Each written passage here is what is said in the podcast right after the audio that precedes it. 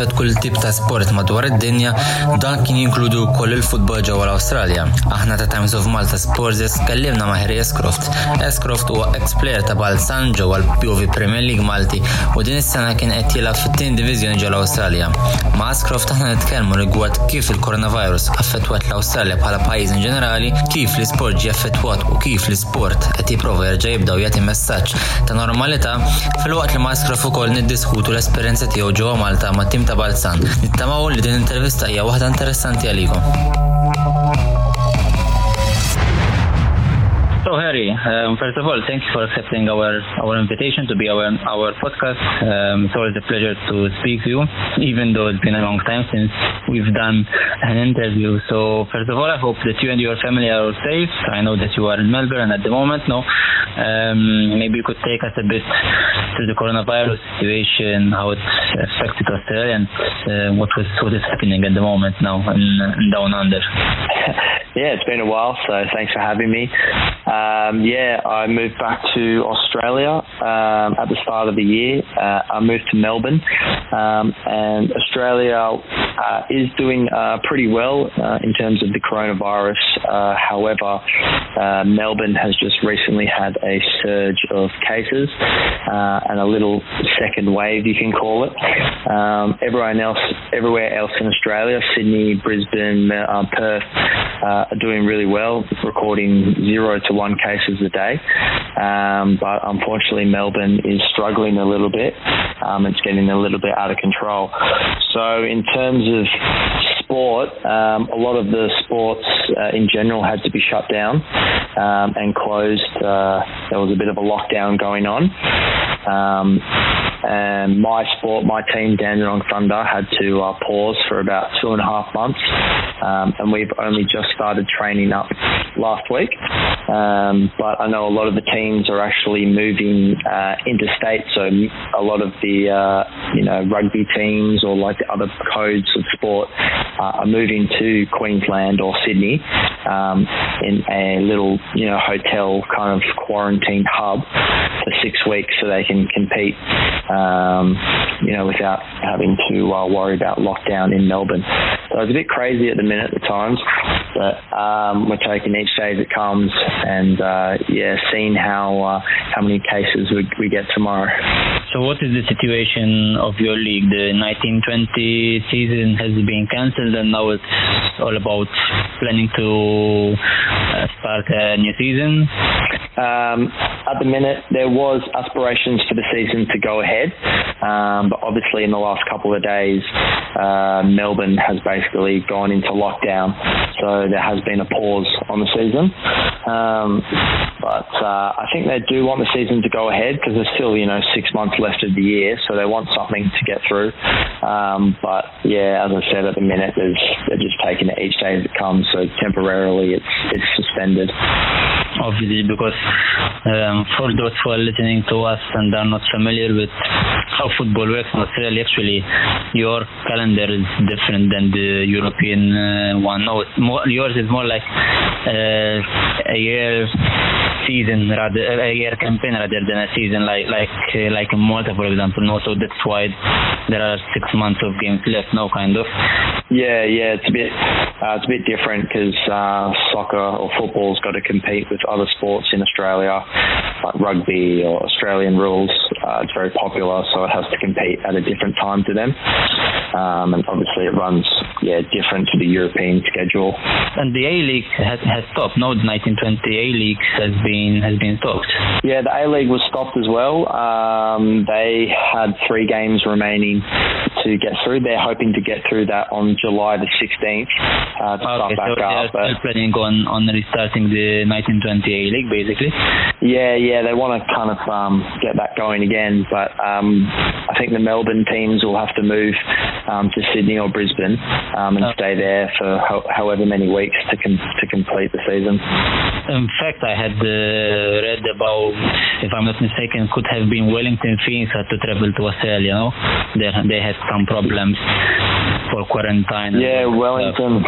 Yeah, they had to move to. I think I think they're based in Sydney now, um, and they have to stay there for. I think they've been there for a couple of weeks now, so they have to stay there basically in hotels um, without family and literally just you know train and play games to get the season going.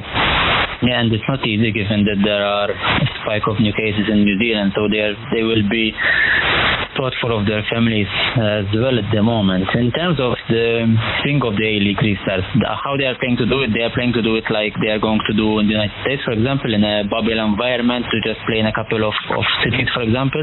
Yeah, I think they're just, yeah, basically like a little bubble um, and just play in two or three stadiums. Um, uh, I don't think any fans are allowed uh, at the minute. And um, yeah, just, you know, behind closed doors kind of. And um, for example, it's like basically all the teams in Malta move to Gozo um, for a period of like six to eight, eight weeks and kind of complete the season. Uh, you still remember about Gozo, no? of course, I have very fond memories of Malta. I love my time there. And um, after you played in Malta, we will speak about that. Um, you went to, you were on Australia playing um, this season, as you said. This season, obviously, with six months left, there are still a lot to play. But um, take us through your decision. How about deciding to go back to Australia after your spells in Europe, and uh, how you were doing so far before before this uh, unexpected break? Yeah, well, obviously, um, I'll start off by saying I played in Malta for Balzan uh, for about a year, a year and a bit. Um, that was a really good experience. Like, honestly, I made some amazing friends. Uh, unfortunately, with the foreigners rule, it didn't kind of work out for me at the club at Balzan um, in regards to me playing regularly.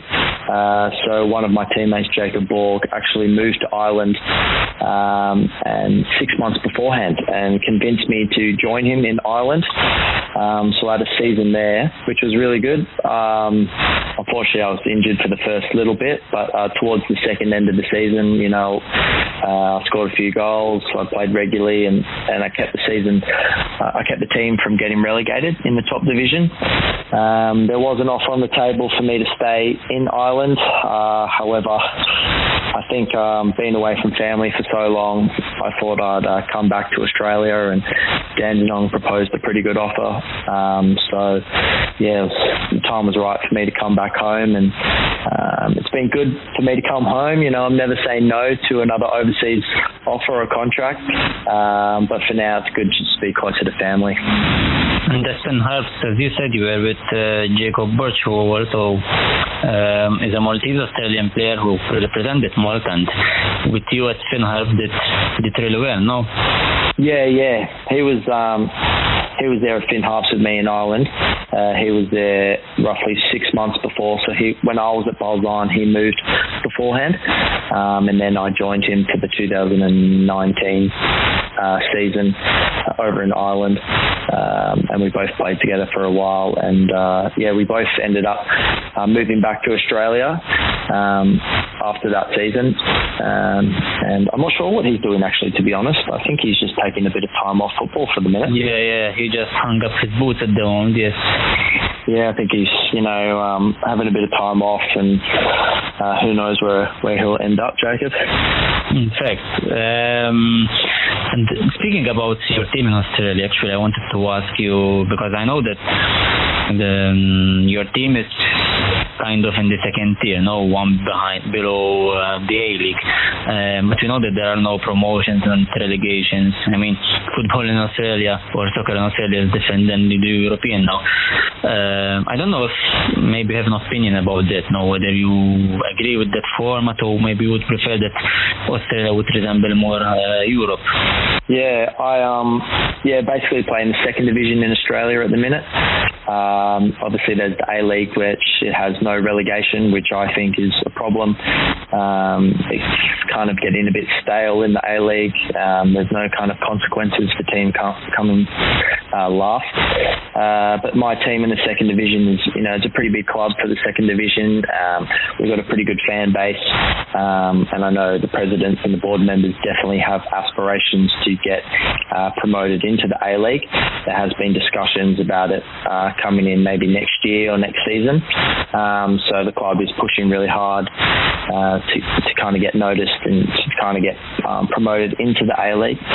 Yeah, my, my team's a very, you know, it's a pretty good team, um, very well backed by the fans and the community. Um, we get thousands of um, spectators per game.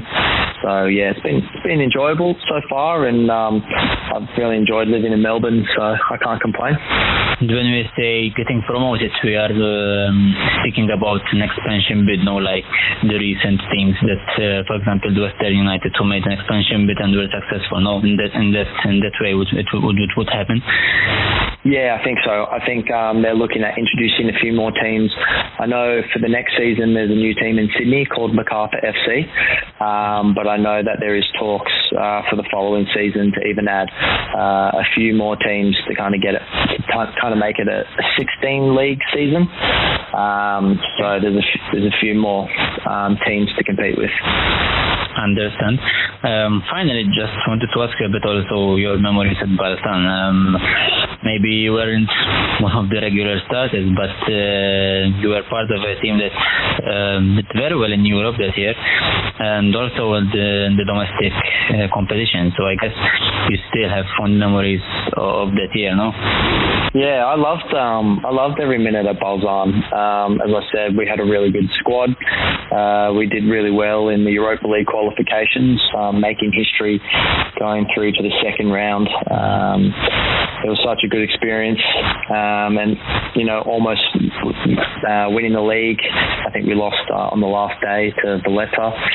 Um, but yeah, it was such a good experience. Obviously, I didn't get um, to play as much as I would have liked, but um, in terms of yeah, having an experience, like I can't speak highly of it enough.